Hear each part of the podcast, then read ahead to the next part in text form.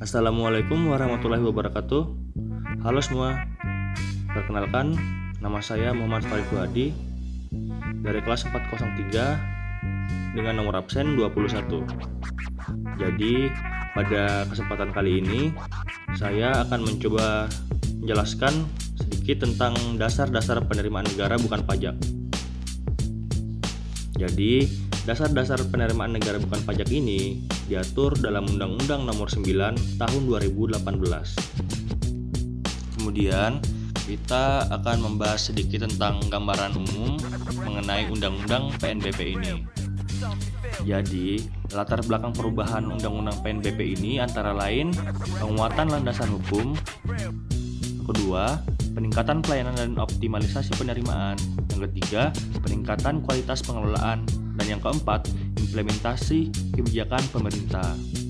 Kemudian, tujuan pengaturan PNBP ini antara lain menghimpun dan optimalisasi sumber penerimaan negara. Kemudian yang kedua, mendukung kebijakan pemerintah untuk kesejahteraan masyarakat. Yang ketiga, mendukung tata kelola pemerintahan yang baik. Dan yang keempat, menyederhanakan atau mengurangi jenis dan tarif PNBP, khususnya terkait layanan dasar tanpa mengurangi tanggung jawab untuk tetap menyediakan layanan dasar. Selanjutnya, mengenai ketentuan umum atau definisi yang terdapat pada pasal 1.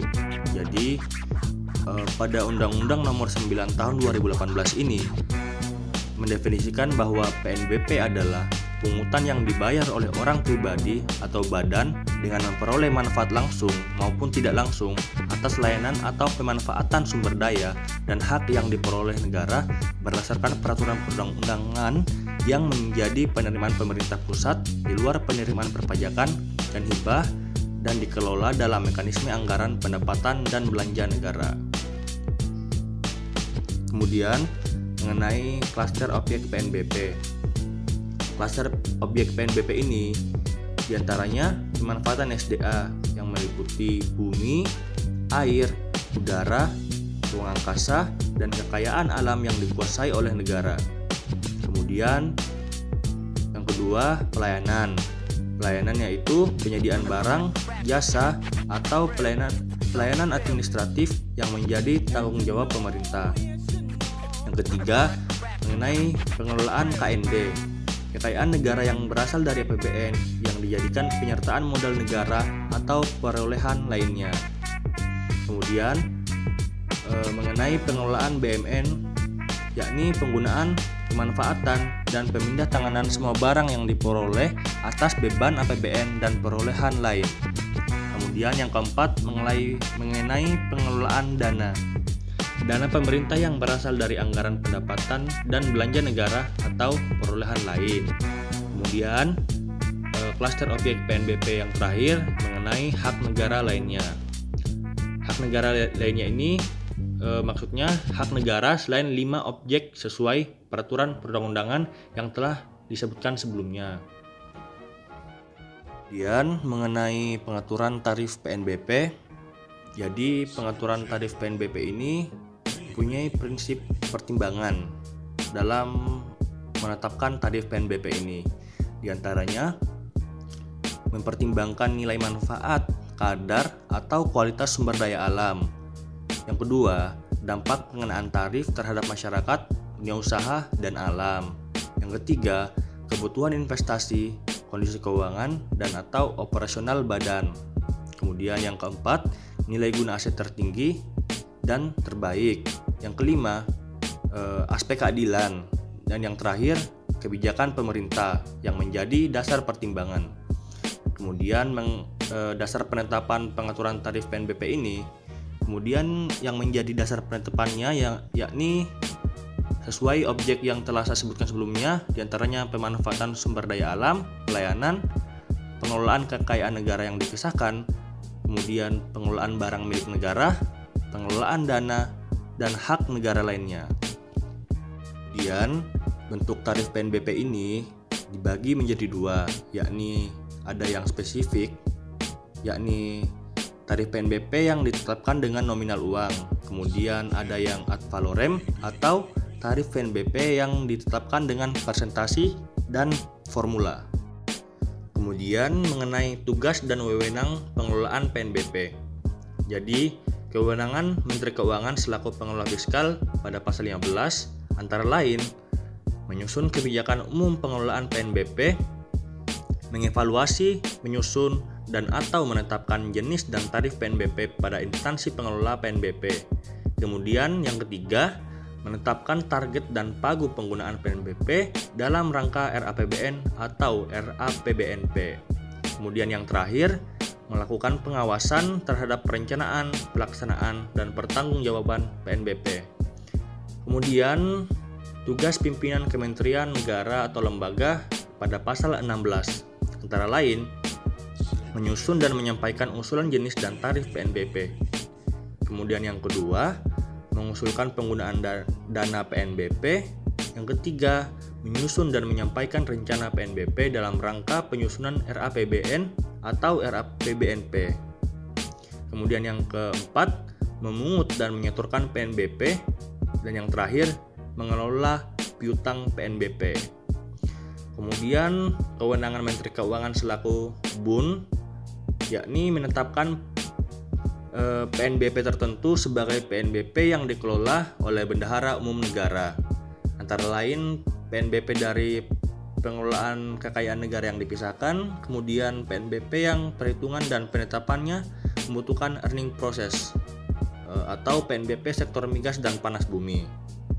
Kemudian tugas mitra instansi pengelola PNBP yang diatur dalam pasal 18 jadi mengenai tugas mitra instansi pengelola PNBP ini mempunyai tugas dan wewenang membantu instansi pengelola PNBP melaksanakan sebagian kegiatan pengelolaan PNBP seperti pemungutan, penyetoran, dan atau penagihan PNBP.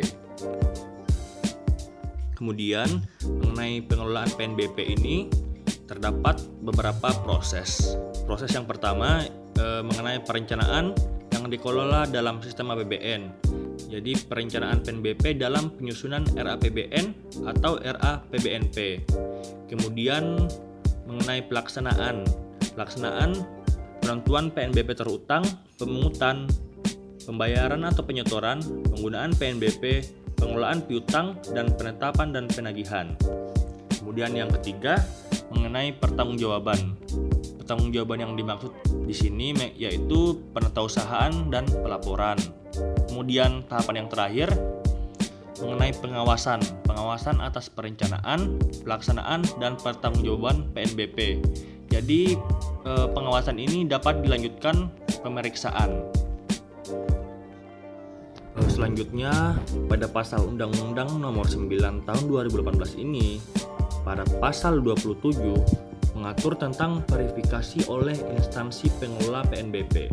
Jadi, instansi pengelola PNBP wajib melakukan verifikasi atas PNBP yang terutang yang dihitung oleh wajib bayar. Jadi, hal ini bertujuan agar meningkatkan kepatuhan wajib bayar, khususnya yang menghitung sendiri kewajibannya, supaya meminimalisasi potensi kerugian negara. Selanjutnya, mengenai pengawasan PNBP. Pengawasan PNBP ini dilakukan oleh dua pihak. Yang pertama, pengawasan oleh aparat pengawasan internal pemerintah atau APIP, yakni instansi pengelola PNBP melaksanakan pengawasan intern atas pengelolaan PNBP yang dilakukan oleh APIP yang bertanggung jawab langsung kepada menteri atau pimpinan lembaga. Kemudian, pengawasan oleh Menteri Keuangan pengawasan oleh Menteri Keuangan ini untuk meningkatkan kualitas perencanaan, pelaksanaan, dan pertanggungjawaban PNBP. Jadi, Menteri melakukan pengawasan terhadap instansi pengelola PNBP. Kemudian mengenai pengawasan dapat dilakukan dalam bentuk verifikasi, penilaian, dan atau evaluasi. Pada pasal 47 sampai pasal 57 Undang-Undang Nomor 9 Tahun 2018 ini mengatur mengenai objek pemeriksaan yang terdiri atas wajib bayar, instansi pengelola PNBP, dan mitra instansi pengelola. Kemudian mengenai dasar pemeriksaan. Dasar pemeriksaannya antara lain hasil pengawasan intern atau menteri. Kemudian permintaan koreksi surat tagihan, pengembalian atau keringanan. Dan yang ketiga, adanya indikasi kerugian dan ketidakpatuhan. Kemudian, mengenai inisiatornya. Inisiatornya yakni instansi pengelola BP, PNBP itu sendiri, kemudian menteri, dalam hal ini Menteri Keuangan. Kemudian mengenai ruang lingkupnya, ruang lingkupnya yakni kepatuhan pemenuhan kewajiban wajib bayar. Yang kedua, pemenuhan ketentuan PNBP oleh instansi pengelola PNBP dan mitra instansi pengelola. Kemudian tata kelola PNBP. Dan yang terakhir hasil pemeriksaannya.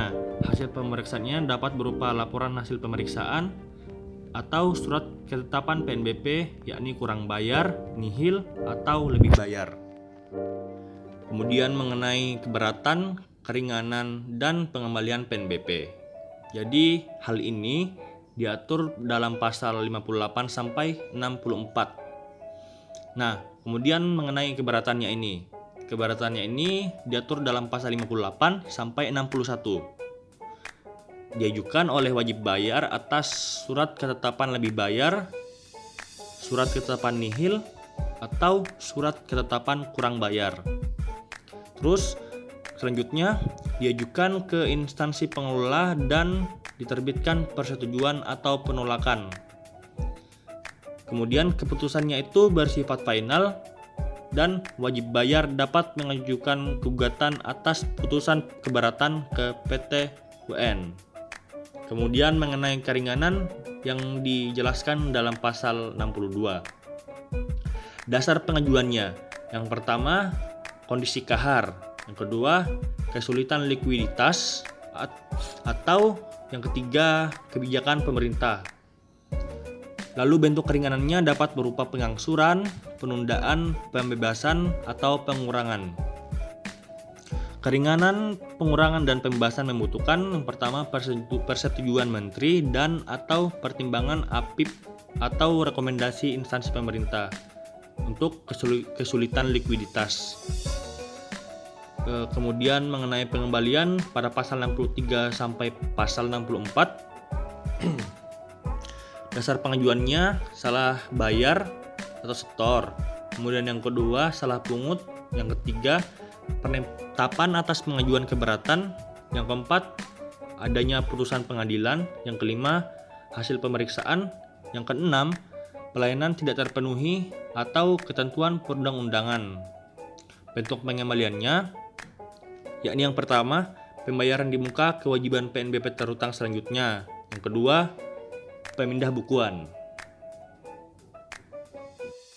Berikutnya, kita akan membahas mengenai pengaturan sanksi PNBP yang diatur dalam pasal 67 dan pasal 68. Jadi, wajib bayar yang menghitung sendiri kewajiban PNBP yang dengan sengaja tidak membayar atau menyampaikan laporan PNBP terutang yang tidak benar dipidana dengan pidana denda sebanyak 4 kali jumlah PNBP terutang dan pidana penjara paling singkat 2 tahun dan paling lama 6 tahun.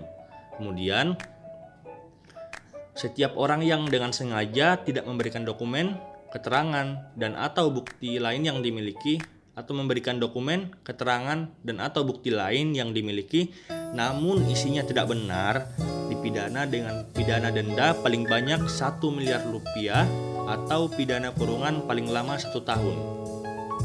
Kemudian yang terakhir yang diatur dalam Undang-Undang Nomor 9 Tahun 2018 ini mengenai hak wajib bayar dan kewajiban wajib bayar. Nah, hak wajib bayar ini dapat mengajukan permohonan koreksi terhadap surat tagihan PNBP kepada instansi pengelola PNBP atau mitra instansi pengelola PNBP dalam pasal 38 diatur oleh pasal 38. Kemudian wajib bayar dapat mengajukan keberatan kepada instansi pengelola PNBP diatur dalam pasal 58. Kemudian wajib bayar dapat mengajukan permohonan keringanan PNBP terutang kepada instansi pengelola PNBP yang diatur dalam pasal 62 yang telah saya jelaskan sebelumnya. Kemudian mengenai hak wajib bayar yakni dapat mengajukan permohonan pengembalian PNBP terutang kepada instansi pengelola PNBP yang dijelaskan atau diatur dalam pasal 63. Kemudian mengenai kewajiban wajib bayar dalam Undang-Undang Nomor 9 Tahun 2018 ini. Jadi dalam pasal 26 bahwa wajib bayar menghitung PNBP terutang untuk PNBP self assessment Kemudian dalam pasal 30 yakni wajib bayar PNBP terutang ke kas negara paling lambat pada saat jatuh tempo. Kemudian pada pasal 41 dijelaskan bahwa PN, wajib bayar yang menghitung sendiri PNBP terutang wajib menatausahakan PNBP. Kemudian pada pasal 42 wajib bayar menyampaikan laporan realisasi PNBP dari laporan PNBP terutang kepada instansi pengelola PNBP. Kemudian kewajiban wajib bayar yang terakhir mengenai bahwa wajib bayar memberikan memperlihatkan dan atau menyampaikan dokumen, keterangan dan atau bukti lain yang diminta oleh instansi pemerintah yang diatur dalam pasal 53. Demikian penjelasan singkat saya mengenai dasar-dasar PNBP yang diatur dalam Undang-Undang Nomor 9 Tahun 2018. Bila ada salah kata, mohon dimaafkan. Sekian dan terima kasih.